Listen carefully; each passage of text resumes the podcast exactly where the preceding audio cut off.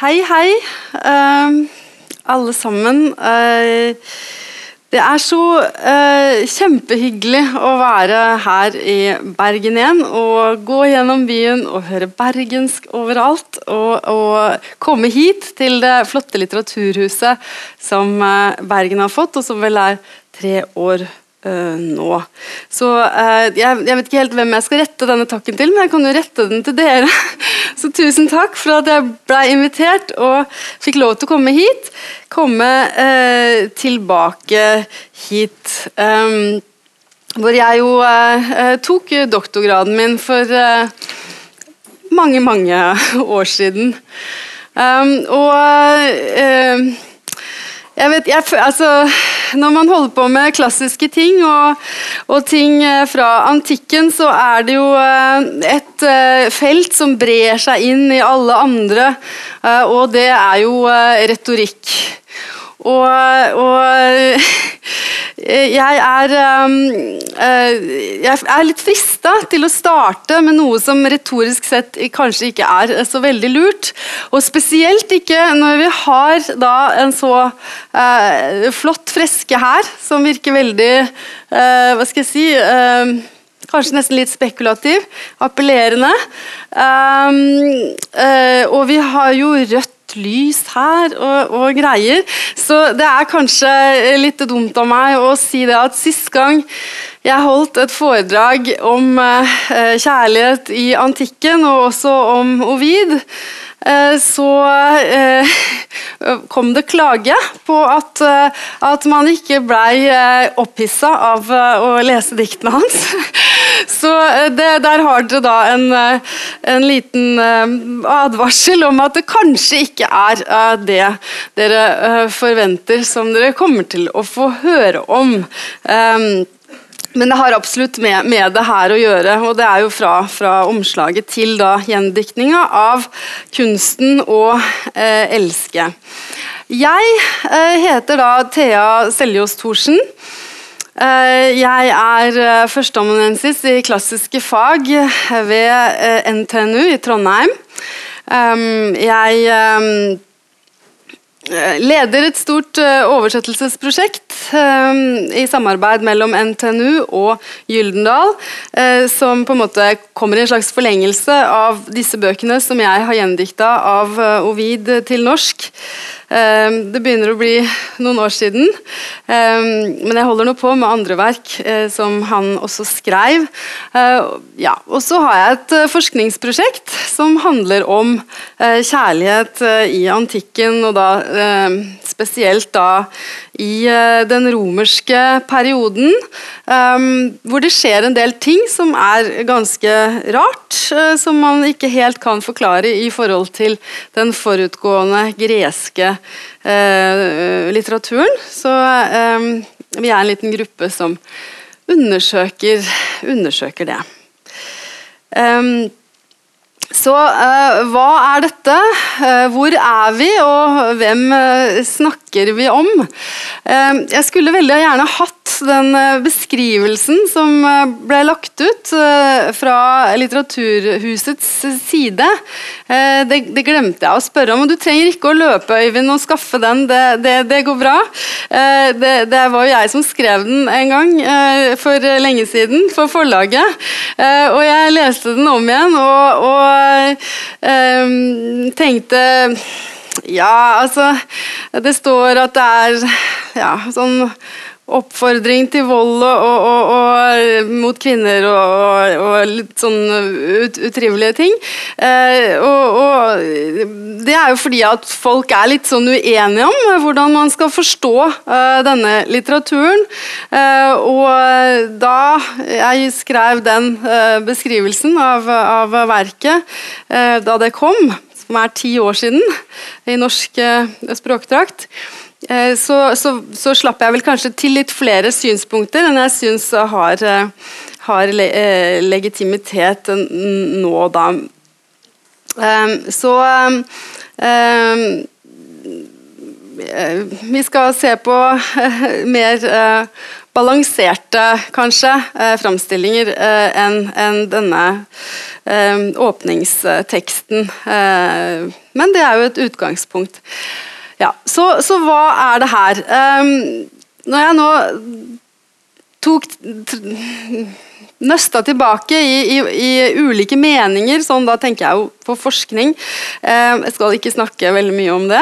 Eh, men det har jo vært eh, en lang tradisjon for å se på kjærlighetsdiktning, og spesielt kjærlighetsdiktning i Romerriket på denne tida, som var veldig, en veldig stor sjanger, som sånn tøys og tull.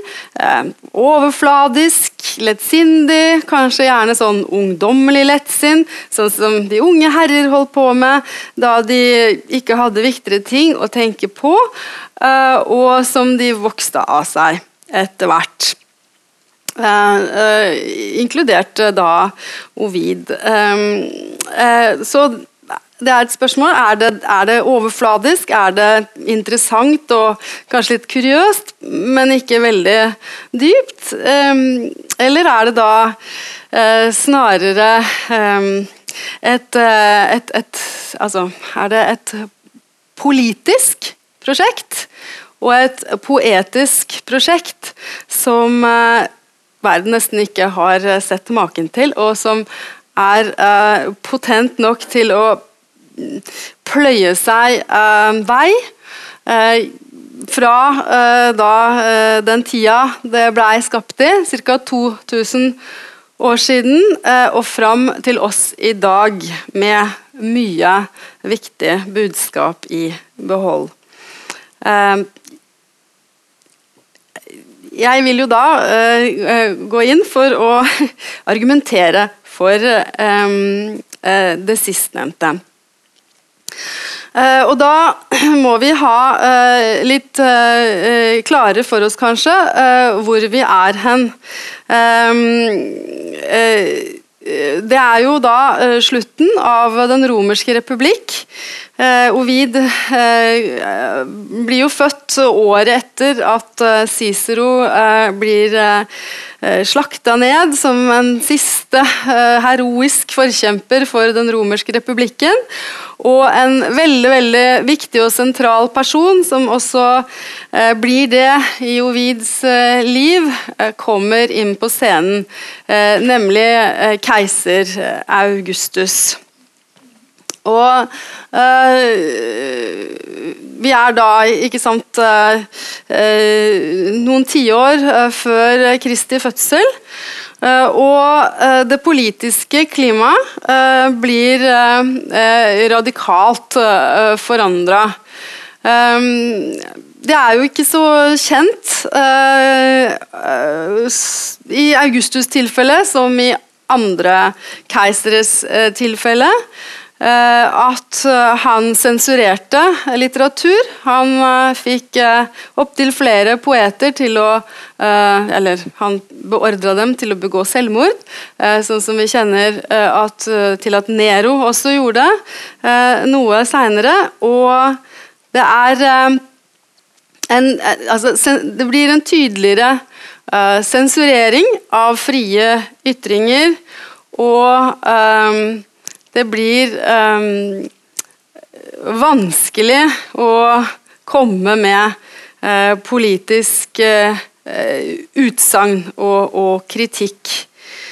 Um, men uh, det må jo ha vært veldig veldig fristende for den generasjonen diktere som opplevde da den relativt frie politiske eh, situasjonen eh, under republikken, som man også f.eks. kan se i diktninga. Jeg vet ikke om, jeg kan nesten ikke se dere der, det er sånn lys eh, som blender meg litt. Men, men, jeg vet ikke om noen av dere kjenner Catull? Den romerske dikteren Catull ordentlig eh, krutt der i de diktene, og han snakker eh, veldig stygt eh, om f.eks. Cicero og eh, Cæsar. Og, og, har da tydeligvis et helt annet klima eh, for eh, ytringer. Hans store et stort tema for han var også kjærlighet. og det det er et, et, veldig viktig og sentralt emne i både den friere republikken, som da er i ferd med å falle, og i det prinsipatet, da, som man kaller det, som vokser fram, og som Ovid da blir den siste av de store eh, augusteiske dikterne, store gullalderdikterne i den tida. Eh, og da eh, eh, eh tror jeg kanskje at det er lurt å si eh, altså er, Si litt om Augustus, kanskje, aller først. Det er jo, han er ca. 20 år eldre enn Ovid. Vi har jo alle hørt om Augustus. Absolutt alle har hørt om uh, juleevangeliet ikke sant? Uh, og, og, og, Augustus. Og han er jo da verdenshistoriens aller mest vellykka diktator, som gjør etter hvert det meste riktig. Det vil da si at han blir sittende med all makt på sine to hender. Men um, han har et um, et uh, svakt punkt, må man kunne si. Um, jeg har til gode å lese det noe sted om det akkurat sånn, men eh, jeg kan jo bare summere opp hva det består i, og det er ganske åpenbart. Og det svake punktet er kjærlighet. For det første så er det viktig for Augustus ikke bare å bygge Roma, bygge imperiet, drive krig osv., men han bygger jo også en egen mytologi rundt sin egen person. Og det gjør han bl.a. ved å hevde å ha et guddommelig opphav. Eh, når han blir eh, adoptert av sin eh, grandonkel, den svært berømte Julius Cæsar, så kaller han seg etter hvert når, altså Dette skjer jo når de leser testamentet etter hans død. Han kaller seg etter hvert Filios Divi, den guddommeliges sønn.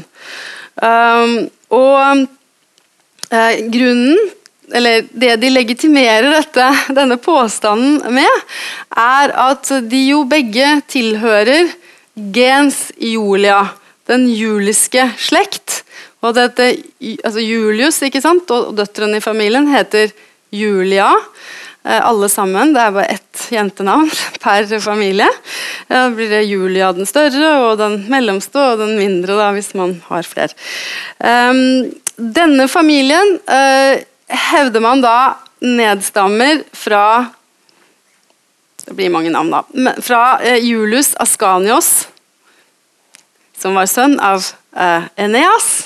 Noen har kanskje hørt om Eneiden. Lest Eneiden, kanskje. Vergils store epos. Um, som, og her kommer da poenget, er sønn av Venus. Den eh, olympiske gudinnen Venus. Uh, og det er da formora eh, til eh, Augustus. Og det gjør han et stort nummer av. Også Julius Cæsar bygger et tempel til Venus, min formor. Og inni der, når eh, Cæsar vel er død, får bl.a. Augustus eh, satt opp et maleri av Apelles, som for øvrig nevnes her, av den nakne Venus som stiger opp av havet fra Venus' fødsel, sånn som vi kjenner det kanskje aller mest ikonisk fra Botticellis eh, maleri. Ikke sant? Ja, i det skjellet. Ja. Ja, det er veldig, veldig, veldig berømt. Ja. Uh, så uh, der, i den keiserlige propaganda, er Venus veldig, veldig sentral. Og keiseren trykker henne til sitt bryst. Og man skal hedre Venus, selvfølgelig. Og så har han jo uh, et privatliv Eh, det, det, ordner seg jo etter hvert. Han får jo en kone som han ikke kvitter seg med uh, til sin død. Det er Livia, for de som er litt inne i, i, i sånn keiserlig sladder. men før det, eller det vil si Før det så har han vært gift to ganger. første gang med ei som heter Claudia Pulkra. Var det noen som, som hadde lest Katull? Noen nikker litt grann? Hvis man ikke har lest Katull, så gjør det. Det er virkelig, Da har man noe veldig artig i vente, og svært overraskende, vil jeg tro. Men eh, en veldig viktig figur der, hos Katull, er lesbia. Det er henne han elsker. Eh, og hun sies jo da å være modellert over da, utrolig nok, eh, tanta til den første kona til Augustus. Det er veldig eh, kuriøst å tenke på. Men han var ikke spesielt fornøyd med henne. Han leverte henne tilbake til mammaen hennes etter to år eh, i sånn uåpna stand, som han sa det. Eh, mer eller mindre. Eh, og etter det så gifta han seg med Skribonia, eh, som fødte ham en datter. Augustus' store sorg etter hvert skulle vise seg. og det vil si, hun fødte Julia, major, eh, samme dag som Augustus eh, gifta seg med Livia. Um, og da var Livia høygravid, antageligvis i sjuende måned, og hadde skilt seg dagen før eller noe sånt fra den mannen hun hadde vært gift med fra før. Altså, ikke akkurat et uh, veldig stort moralsk uh, forbilde, kan man si, når man tenker på uh, hvordan han måtte feile litt da, før han eh, traff eh, blink. Um, og det her blir jo da enda mer eh, hva skal jeg si, risikabelt, kanskje, fra, en, eh, fra et keiserlig ståsted, eh, når han setter i gang med å regulere den mest intime eh, sfæren hos sine borgere. han får igjennom en rekke lover på 20-tallet før Kristus, eh, som eh, skal eh, begrense kjærlighetsforhold eller seksuelle relasjoner mellom koner og døtre av ekte romerske borgere og andre romerske borgere som da de ikke er gift med. Og det blir, det blir forbudt. Det blir da noe man kan måtte eh, lide dødsstraff for. Eh, og eh, det er eh, noe som blir en veldig alvorlig forbrytelse. Og en diktator ønsker jo å regulere alt. Fra, fra, de store tingene til de små tingene. Og også da eh, den type forhold. Og man, eh, man har en litt sånn mm, man nøler litt med å snakke om kjærlighet som et, eh, som et uh, konsept i alt dette her, men uh, det var lov å ha sex f.eks. med slaver, ikke noe problem. Men det var ikke lov å bryte ekteskapet mellom borgere og døtre og koner av romerske borgere. Og det kan vel ikke anses som helt usannsynlig at motivasjonen for å bryte ekteskapet, som jo aldri var inngått av kjærlighets skyld, nettopp var eh, av kjærlighet. Hvis man bare liksom ville ha seg, så kunne man jo gjøre det eh, uten problemer med alle slavene sine, og, og, og var mange andre muligheter også, som ikke gjorde at man løp noen risiko i forhold til denne lovgivninga. Og eh, Augustus tok jo dette svært alvorlig, eh, hvilket førte da til at han eh, gjennomførte en rettssak mot sin egen datter Julia Major år to før Kristus eh, for ekteskapsbrudd. Eh, hun ble dømt, sendt i eksil til en bitte liten øy eh, hvor hun måtte være resten av livet. Og det var hoder som rulla. Uh, og uh, Det samme skjer jo igjen ti år etterpå med dattera hennes igjen, Julia Minor, uh, som også blir anklaga for ekteskapsbrudd. Så dere skjønner, her er det dobbeltmoral. Det er storartede mytologiske propagandakonstruksjoner. Eh, og det er en uh, kjempetøff regulering av eh, et område, nemlig kjærlighet, som, som, som, jo har det med å havne i konflikt med samfunnets krav. Eh, da og nå. her og der. stadig vekk. så hva gjør man? Hvis man er en stor, stor poetisk begavelse som ser det her og, og tydeligvis har veldig lyst til å si eh, noe om det.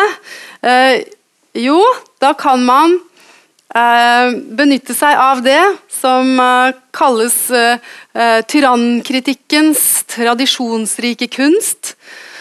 som består i å kritisere tyrannen på en måte som gjør at tyrannen ikke kan kritisere kritikeren uten samtidig å kritisere seg sjøl.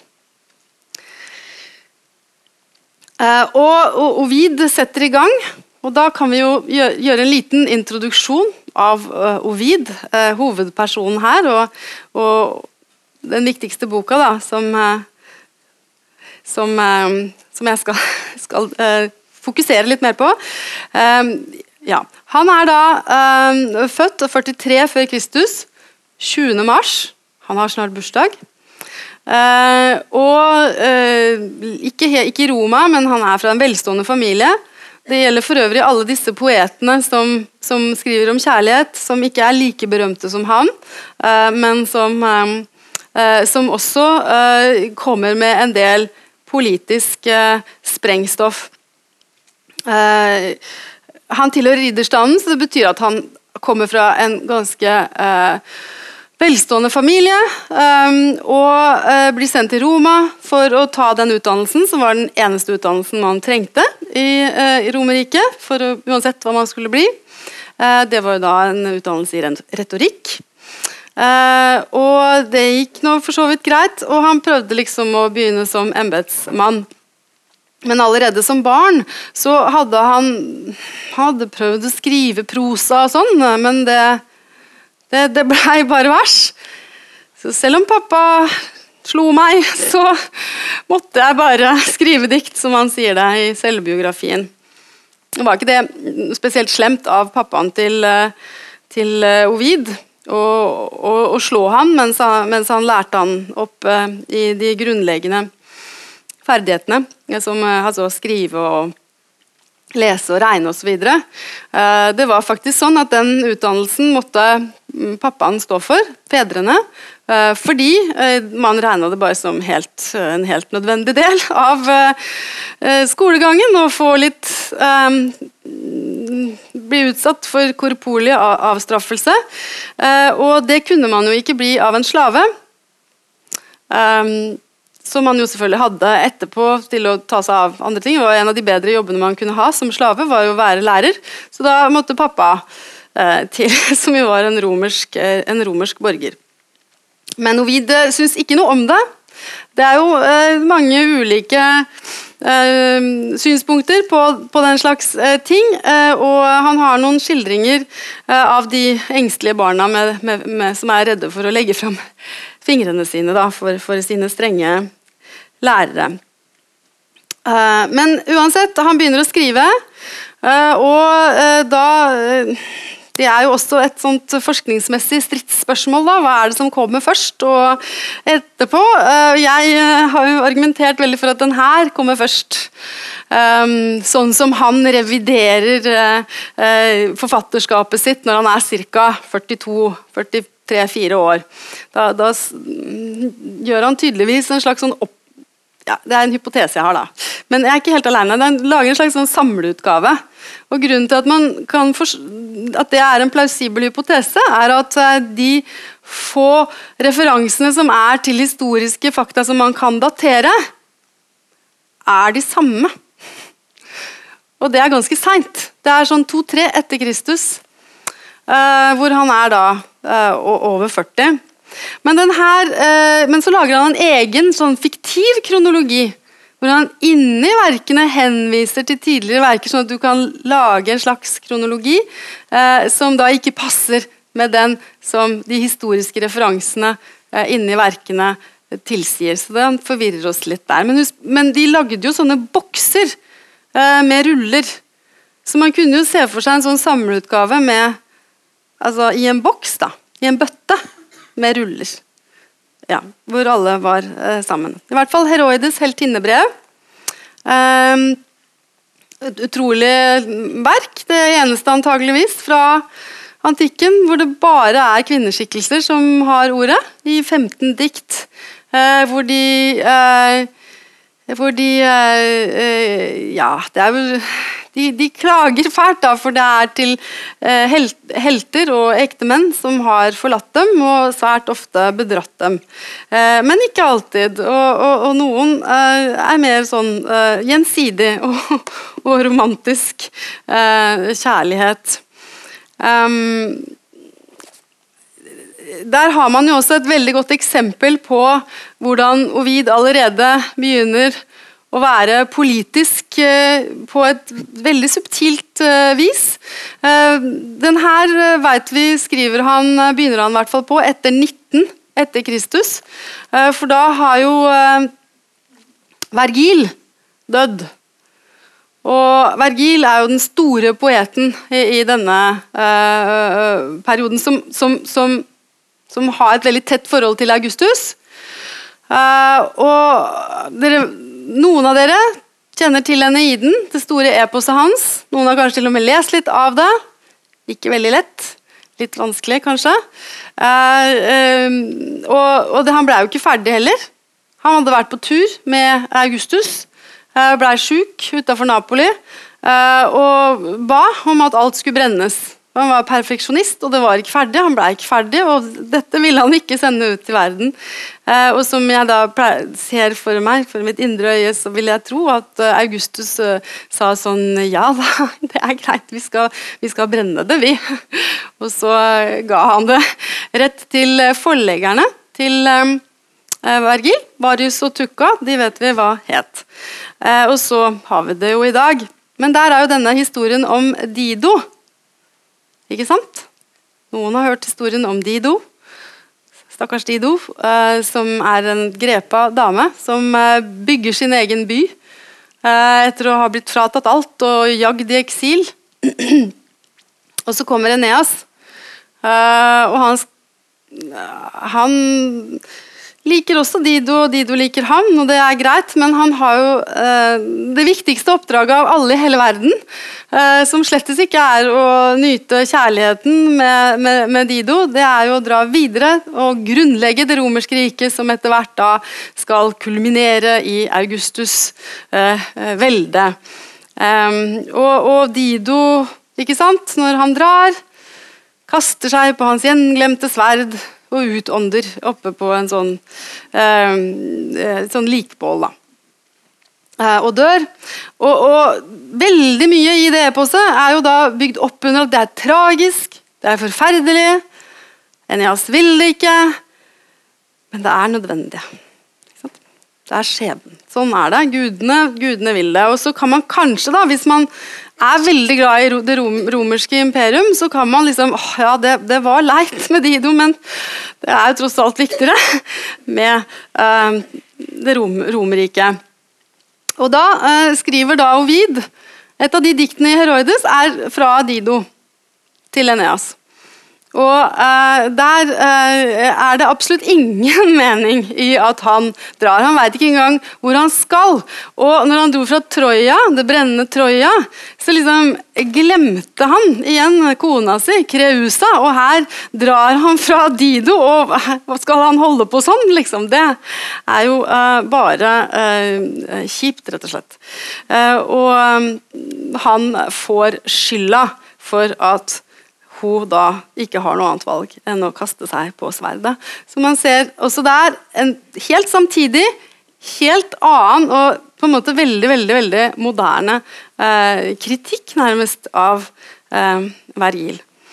Så eh, Det neste verket er eh, da eh, Amores kjærlighetseventyr, som er eh, fantastisk, heroisk Eller heroisk selvironisk verk på vegne av en mann som prøver så godt han kan seg på dette med kjærlighet, og han går stort sett ganske kraftig på trynet. Um, og det inneholder veldig mange spor av det her med denne lovgivninga til Augustus mot ekteskapsbrudd. Uh, han er, balanserer på kanten av hva som er lov, og utsette seg for Augustus' uh, vrede ved å uh, f.eks. si at jenta han er interessert i, Corinna, har en vir, en ektemann. Det betyr at hun er en romersk borgers kone. Og det er jo helt tydelig, Han kaller seg Naso Poeta her, eh, poeten Ovid. Så det er liksom han som da er, har et forhold til Corinna. Eh, og så er det akkurat som han kan liksom ikke la henne Eller det er farlig, da, å bli helt der, på den kriminelle siden. Så eh, F.eks. i et dikt så dukker det opp en bordellmamma, en Lena som forsøker å overtale Corinna til å ta seg betalt for sine eh, elskere, eller, og poeten. Eh, sånn at man blir litt usikker. Er det kanskje en prostituert? Da er alt helt i orden. Det er ikke noe problem eh, sånn eh, juridisk. Men det er jo likevel bare en bordellmamma som forsøker å overtale henne til å gjøre det her. Man veit ikke helt hvordan det går, og det er spesielt ille for poeten. Han blåser jo i om hun er av romersk ett, eller hva For han, de, er, de er jo helt nesegrus. De, de elsker dem uansett. Uh, men problemet hans er jo at han er så fattig. For han er jo en poet. Uh, så hvis hun skal ha så masse gaver, og, og sånt, så, så, blir det veldig vanskelig. Han prøver å si at Men et lite dikt kan vel kanskje være noe. Men det er liksom det er, Ofte blir det kasta vrak på, da. Um, og så har det jo altså Når det gjelder denne eh, propagandamyten rundt keiser Augustus sjøl, så inneholder boka her Den er helt sånn kostelige dikt på mange måter, eh, og vakre dikt. Og, eh, eh, men eh, de inneholder da også mange spesielle, helt enestående dikt, bl.a. da to dikt om abort, som er de eneste i antikk litteratur. Og de er, um, de er da sånn de er, Det ene er i form av en hymne. Uh, og bønn om at Corinna skal bli frisk igjen, da, for hun er jo, blitt, uh, hun er jo dødens etter å ha tatt abort. Og, og, og dikteren sier at ja, jeg vet ikke om det er mitt barn, men det er jo ikke usannsynlig, og det som ikke er usannsynlig, det, ja, det holder. Så det, jeg hadde tatt ansvar. Um, men Og så sier han at det dette er jo ikke en holdbar praksis, sier han også. og så sier han eh, da eh, Hadde Eneas blitt krenket av Venus som bar ham i magen, da ville verden ha vært uten en keiselig slekt. Det er, det er, det er rød klut, altså. Å tulle sånn med, med uh, keiserens uh, olympiske eh, opphav. ikke sant? Og Sånn holder han på. Han snakker hele tida om, om, han her, da, eh, han lille Kupide, som lillebroren til Eneas, f.eks. Hvis han tar denne mytologien eh, til det, det, absurde og latterlige, men, eh, ja, men han, han, han, hyller jo bare hyller jo bare Venus og, og keiseren sånn som han eh, sånn som keiseren da legger opp til. Og, og, Det er jo da det store store problemet med det verket her. Eh, kunsten å elske. Eh, som eh, er, har jo eh, to, to, tunger så det holder. Eh, minst. Nettopp for å kritisere og samtidig forsøke å beholde hodet, da. Eh, og det er jo presentert som nettopp en sånn hyllest til eh, Augustus Roma. Eh, med da et fokus på den viktigste guddommen i det juliske slektstreet, som jo da er eh, Venus.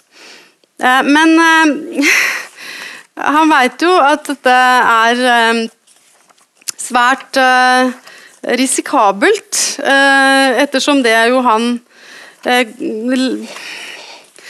fyller sin hyllest eh, eh, til Roma og Augustus med, er eh, tips og råd om hvordan finne, forføre og beholde og eh, nyte eh, en kjæreste. Eh, Det er da et verk som består av tre bøker. En bok i antikken, sånn som disse rullene i en bøtte. da. Man har sånne bøtter. Man har en bøtte med et lokk, og så står det på lokket 'Hollos Pindaros'. Alt, hele Pindar. Den er tom, da. Det er veldig synd. Men eh, det har vært da, alle Pindars. Dere har kanskje aldri hørt om Pindar. Men han er antikkens mest sporty dikter. Han skriver bare om idrett eh, hele tida. Eh, gresk. Eh, eh, ja, en bokrull er jo da eh, så mye som du, altså det er En bok er så mye som du får plass til. Hvor mye får du plass til? Ca. 1000 linjer. Det er ca. 33-35 sider. Det er en bok.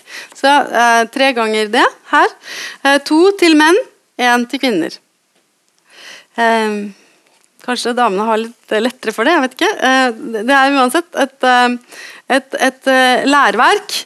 Og eh, han eh, lager da sant, en sånn intern fiksjonskronologi, hvor han sier det at eh, jeg har gjort så mye feil og lært, og eh, jeg er ikke inspirert av musene eller Apollon. Eh, Dette er basert på erfaring, så lær av den lærde. Og her presenterer han seg altså som professor, kjærlighetsprofessor, Praikeptor amoris. Eh, men han har jo da store problemer allerede i begynnelsen da, med, med det her med eh, å bli tatt for å eh, oppfordre da, til lovbrudd av keiser Augustus. Så i, allerede i, i prologen på en måte så sier han da, ikke sant Vik fra mitt diktverk anstendige hårbånd som vitner om anstand, bremmer som til og med lar ankelen dekkes, forsvinn. Harmløse Venus og lovlige friheter, det skal jeg hylle. Eh, lovsangen skal ikke gi lovbruddet noen slags plass. Helt greit. Altså, dette handler bare om prostituerte eh, og, og, og slaver, og ingen damer i noen farlig kategori, står det jo rett ut her. Eh, men hvis man leser litt nøyere, så er disse mm, tegnene eh, som man har på seg da. eh, en sånn, eh, hår, et sånt hårbånd og så en sånn innstitta som er, er brem. Det er sånt som er eh, det matronene skal ha på seg. Og Han sier jo egentlig ikke at matronene, altså det vil da si koner av ekte romerske borgere, at matronene skal vekk. Han sier jo at klærne deres skal vekk. Eh, og det, den tolkninga blir styrka allerede i neste eh, kuplett. da. Fordi eh, da sier han da dette med at lovsangen ikke skal gi lovbruddet noen slags plass. Jeg har jo da prøvd å binde de to ordene sammen gjennom lovprisning og lovbrudd. da. Fordi at i originalen så står det da Inque meo nullum carmine crimen erit. Det betyr da inn i min sang, i min karmine, skal det være nullum krimen. ikke noen forbrytelse. Det er bare det at ablativen, da, karmine, av karmen, som det heter, sang, dikt, inni der så finner du jo C og R og I og M og E og N. Inni det ordet. Og hva blir det? Det blir krimen. Ja. Nei, ja. Alle fikk med ja. De sto ikke akkurat den rekkefølgen, men det er inni der. Og det er det jo, ikke sant? Fordi at det blir veldig sånn vanskelig å avgjøre hva slags damer som befinner seg her. Og eh, Et annet eksempel på hvordan eh, Ovid utfordrer da eh, maktovergrepene til eh, eh, keiseren, er jo da igjen eh, griper tak i, i, i det her som har blitt sett på som sånn ja, overfladisk. Han er, så, vi er kjempeopptatt Han er veldig velinformert om sminke og hårfrisyrer uh, og uh, klesdrakt. Og han har sånne meninger om at den som er sånn, kler det, og det er jo så fint på den, uh, og, og så videre. Og det, det er jo sånne vitenskapsfolk som syns at det er veldig suspekt at en romersk mann En romersk menn skal jo være opptatt av krig og av uh, jordbruk og styre verden. Uh, og ikke sånn kjærlighet. Um, ja, det, og i hvert fall ikke sminke. og sånn. Han skrev jo også en liten håndbok i kunsten å sminke seg, faktisk. Um, som, uh, som, han også omtaler her. Uh, men dette med klærne er faktisk veldig viktig, og et tydelig da indisium på at man snakker ikke Eller man utfordrer i hvert fall uh, forestilling om at det skal være prostituerte kvinner, da, eller eller um, slaver av andre slag. Si prostituert, så høres det jo liksom veldig sånn altså Man snakker om hetærer og kurtisaner og gjør det litt sånn finere, da. Uh, og man er lærd og alt dette her, men, men, det er i hvert fall ikke uh, i den um, kategorien som, som gjør det farlig da, å skrive om dette her. Men Augustus, blant disse lov, innføringen av disse lovene, så eh, eh, var det også nye, eh, helt klare retningslinjer på hva man fikk lov til å ha på seg. Og da spesielt prostituerte. Skulle ha en helt bestemt toga. Um, og ikke noe annet. Så når Ovid kommer med noen lange passasjer om alt mulig rart man kan gå med som kvinne, og hva som er fint hvis man farger det sånn, og lyser blått og grått og eh, rødt og alt mulig rart som man må velge med omhu, så er jo det et veldig eh, lite forenlig råd med de klare retningslinjene fra Augustus eh, side. Og nå, nå kom jeg på, eh, mens jeg da liksom eh, valgte da å, å, å, å, avsløre med en gang at det ikke var sånn veldig opphissende eh, dikt jeg kom til å eh, snakke om, så hadde jeg jo egentlig tenkt å åpne med å si snakke om lave ters den lave terskelen som Ovid har lagt i dette verket. I dette verket da. Eh, for oss i dag. Eh, dette med klær er jo én ting. Han snakker veldig mye om frisyrer for kvinner. Eh, og det er liksom ikke måte på. Og, og til og med bustete hår er, kan være fint, sier han. Altså, alt er fint. Og, og, og, det er også viktig i motebildet. Og, dere vet kanskje ikke det, men, men det kan se ut som bustete. Men det er kanskje akkurat lagd akkurat sånn vel, eh, med overlegg da, hos frisøren. Og Ornatrix de har jo sånn stylist også inni her. Um, og det er jo ikke bare kvinnene, da, det må vi huske på, det er også mennene. De uh, ser her, her han er litt brun. Brunere enn henne. Det, det er fint. Du må trene litt, og gjerne litt sånn lettkledd, for da blir du litt brun. Litt brun er fint. Um, og så er det disse nesehårene, da. Det er et problem. De må, de må bort. Uh, og, men man skal ikke overdrive. Barbere leggene, det er å gå for langt. Hvis man er mann. Uh, og og så sier han sånn at jeg, jeg, trenger jo ikke si at dere må pusse tennene. Og til dere jenter så trenger jeg jo ikke si at uh, at, uh, at dere uh, må barbere under armene, f.eks., for, eksempel, for det, dere har jo ikke hår der. Altså, litt sånn høflig sånn da. At man tross alt ikke kommer med sånne, sånne forslag. Så det, det, er, det, er, mange, mange ting som uh, som er nesten sånn kroppslig på oss, som man kan kjenne igjen i dette verket. Og som gjør det veldig lett å, å komme inn i det. Ja. Og så var det jo dette her med med kjærligheten, da. Det, det går jo an å uh, dvele litt ved det. Det er jo instruksjoner, da. Som jeg greier å finne det. Eh, jeg hadde jo tenkt å si litt om det poetiske også, som jo er det aller uh, fineste uh, i dette verket. Eh, ja, her for eksempel. Dette er jo da til kvinner. Um, og det er faktisk ikke så veldig ulikt for menn. Uh, jeg kan jo ta det først. Han er veldig sånn at han blir litt personlig når han skal uh, snakke om hva som funker, da. Um, og, og, det er vel Skinner vel litt igjennom at han At det er i grunnen han som er den mannen vi alle Eller burde kunne tenke oss. Men ja, vi kan jo ta fra bok to da først. Da har vi kommet til selve saken. Det er det som han kaller konkobitos. Det er det som vi kaller koitos, eller samleie.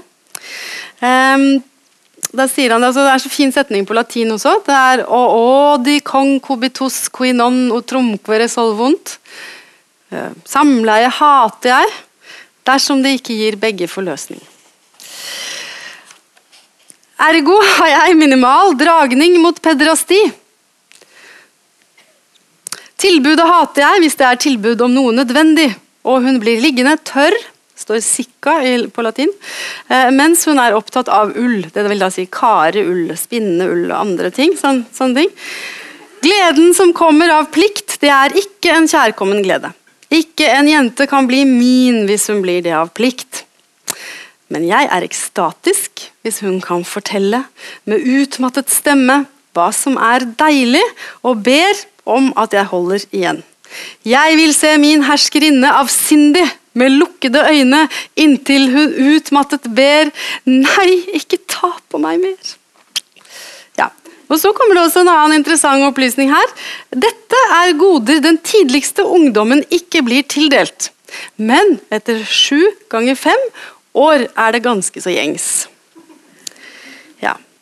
De som har hast, drikker most, men for meg må det flyte årgangsvin lagret på fat under et fjernt konsulat. Ja, så eh, ikke, det, det, er noe, det, er ingen ulempe å bli eldre. Han presiserer også det, at, eh, at det, er, det er de indre verdier som teller. Ut ameris amabilis estos, sier han. For å elskes må du være elskelig. Og det, som hjelper veldig på det, da, sier han, det er å lære seg gresk og latin. Ja. Eh, men vi har jo også råd til kvinnene, som ikke er noe dårligere. Får du orgasme, så kjenn at du nyter det helt inn til margen. Mannen skal ikke ha mer glede av akten enn deg. Sier han. Ja, og litt, uh, litt mer, sier han da. Ja. Om det. Men det er jo grunnen uh, ganske bra av en mann da. Eh, på den tida. Så liksom jeg føler at når, du, når jeg falt for fristelsen at gjengi det, altså det er, Feminister har jo vært furiøse på Ovid. For, for Han sier bl.a. at sant, de sier kanskje nei, men du må ikke gi deg. Nei. Ikke sant? Og det, det er litt sånn, de, de, kaller det vold, men nei, det er ikke det. Det er litt sånn, ikke helt uh, politisk korrekt, men man må tenke på hva slags tid det er. Tenke på at De andre mennene som skriver sånne ting, sier at kvinner de, de må bare ligge helt stille. Ja. Og det er det man sier om den saken. Ikke sant? Det, uh, og, og um, Um, ja, og ikke sant, man kan Jeg vet ikke, man kan si Er det noen som har noensinne hørt om Kari Elisabeth Børresen? Nei, hvis dere hadde møtt henne, aldri glemt det. Det kan jeg bare love. Uh, Feministteolog. Um, sier at det, det fins ikke intelligente mannssjåvinister. Men intelligente menn, det har det funnet til alle tider. Ja, og vi har en sånn intelligent eh, mann her, da. Eh, så var det det poetiske. Så nå er det ja, noen minutter igjen. Eh, til klokka åtte, i hvert fall. Det er jo samtidig, da også i tillegg til alt dette her, som jeg nå har nevnt, den lave terskelen, det potentpolitiske forsvaret av de som på en måte blir klemt i skvis, og også da henretta uh, i forbindelse med uh, ja, kjærlighet. Det er vanskelig å finne noe mer presist, for det er ikke bare sex. Det er uh, at man velger da å utsette seg for lovgivninga til Augustus fordi man har lyst til å være sammen. da. Eh, så er det det poetiske. Og det er jo et uh, poetisk uh, mesterverk, det her. Uh, tydelig forskjell på alle disse verkene som jeg har vist fram. det er klart, dette er jo lagt til mytenes verden, så her er det ingenting av historiske referanser, bortsett fra kanskje litt hos Dido, da. og Ingenting om ham personlig, Ovid. Eh, her er det masse. Han sier hvor han kommer fra, og hva slags bakgrunn han har. og Snakker masse om seg sjøl og sine voldsomme ambisjoner for å bli stor og udødelig eh, som poet. Det er litt av det òg, kanskje. Eh, som jeg skulle si noe om det Ja, altså det er jo en poet, da. Det, er ikke så lett å bli, det var ikke så lett å være poet da heller. Uh, og han har da siste dikt her som, uh, som er retta mot misunnelsen. Alle de som ikke unner han å, å holde på å dikte. Og da sier han hvorfor misunnelse? Ser du på meg som unyttig? Og hvorfor kaller du min poesi verk av et evneveikt sinn?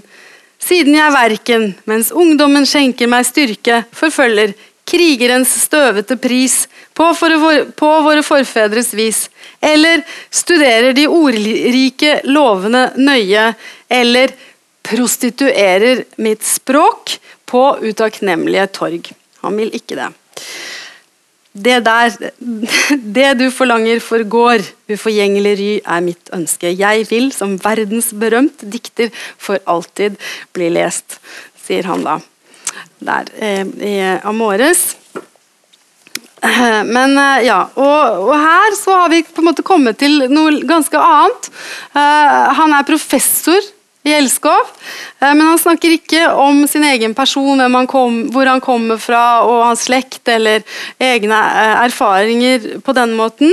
Eh, og han spiller jo på en veldig høyverdig sjanger, den lærediktet, den didaktiske sjangeren, som jo da den store Hesiod har banet veien for, og som da rett før han også Vergil bidro til gjennom Georgica-diktet om jordbrukskunsten.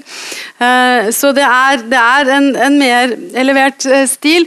Og, og, faktisk, selv om han jo snakker om ting ganske direkte, det har vi jo hørt, eh, så er han mm, annerledes enn mange andre romerske diktere. Både før og etter Kristus, i det at han bruker ikke stygge ord. De florerer f.eks. hos Catull eller Petronius f.eks. Uh, han bruker ikke det, og spesielt ikke her, som har en litt mer sånn elevert stil. Og så er det tre lengre mytologiske uh, passasjer i alle de tre bøkene. Um, som peker jo da veldig fram mot metamorfosene. Um, som jo da er hans store magnum opus. Uh, hans store um, epos på 15 bøker, som jo skildrer verdens skapelse fra kaos til, til da det, til altets store høydepunkt, som da selvfølgelig er keiser Augustus, hjelper jo ikke stort. da. Han blir jo sendt i eksil uh, uh, pga.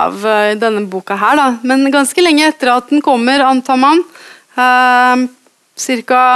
åtte etter Kristus, Samtidig da, med at eh, Julia Minor, datterdattera til Augustus, blir sendt i eksil og også må eh, bo på denne øya, den samme øya, og lide sultedøden der, eh, faktisk.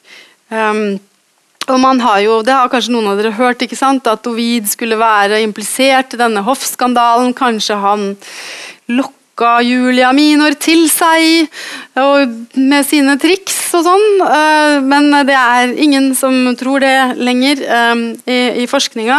Blant annet også fordi han, han, sier jo at han begikk en error da i eksildiktninga. Han skriver jo ni bøker når han blir sendt i eksil til Svartehavet. Eh, en for hvert år han lever der.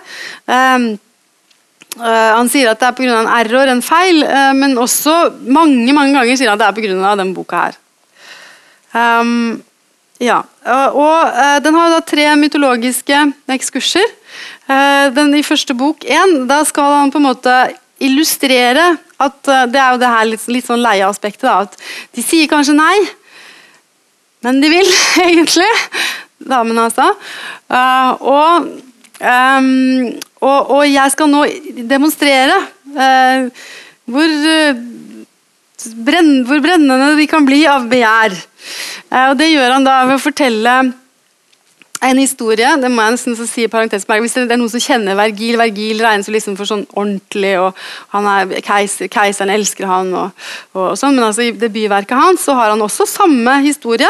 For å illustrere akkurat det samme, for å illustrere hvor galt det kan gå når begjæret virkelig tar eh, en. Um, og, og da er et eksempel med en kvinne, nemlig Pasifae. Har dere hørt om henne? Du har kanskje hørt om sønnen hennes, den sønnen som hun fikk eh, da hun eh, pga. en guddommelig forbannelse eh, blei forelska i en okse. Den var så vakker, helt hvit, bare en liten svart flekk i panna. Det er sånn omen er ikke, men, om at dette går dårlig. Og helt fortapt og forgapt og vil bare raute. og gå ute på jordet og er sjalu på de andre krigene og, og, og så videre. Og så, har det, Hun er kona til kong Minos på Kreta, og han har jo verdens eh, fremste uh, hoffingeniør, Daidalos, uh, så får han da til å lage et sånt stativ. Så da kommer minotauren da, til eh, verden etter hvert. Og Daidalos han lager også en labyrint for eh, minotauren, hvor han da blir også plassert. Fordi Minos var ikke helt fornøyd med at han hadde lagd dette stativet. Så I den første, eh, første, boka er det da om Pasifas kjærlighet til denne oksen. Eh, og I bok to så er vi fortsatt i denne eh, myten, men på et annet sted eller et annet tidspunkt. og Da er vi da inne i labyrinten, og Daidalos og Ikaros vet ikke hva de skal gjøre. ikke sant? Og så blir det lagd disse vingene av voks og fjær. Og og, og i Daidalos sier til Ikaros at du må ikke fly for høyt, for da smelter voksen, og du må ikke fly for lavt, for da blir vingene våte, og uh, du greier ikke å holde deg oppe. Uh, og dette ja, Dere vet jo hvordan det går. Uh, Ikaros uh, syns det er så kult å fly. Han er jo, vet ikke, en gutt ti-tolv år, kanskje. Uh, og joho! Flakser av gårde. Og um, ja, han flyr for høyt, da. Men de flyr ganske lenge først og ser på øyer og ja, Det er en sånn ordentlig morsom eh, geografisk eh, skildring da, av området rundt Kreta. litt sånn spissfindige filologer har påpekt visse uoverensstemmelser osv., men det er, det er et sånn flott panorama. Flukt. Uh, og så kommer han for nærme sola, ikke sant. Og så smelter voksen, og Ikaros uh, faller i havet. Og det er veldig gripende.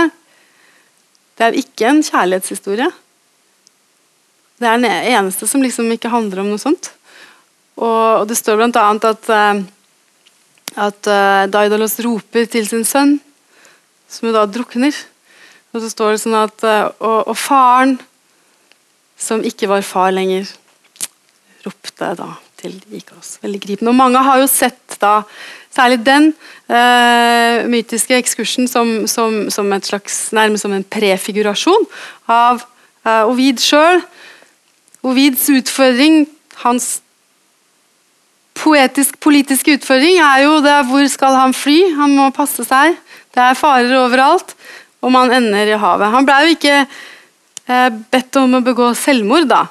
Eh, men han, eh, han ble sendt i eksil, som ifølge bøkene han skrev der, i hvert fall var ganske ille. Ja. Så da, da er klokka to over åtte, så da slutter vi der.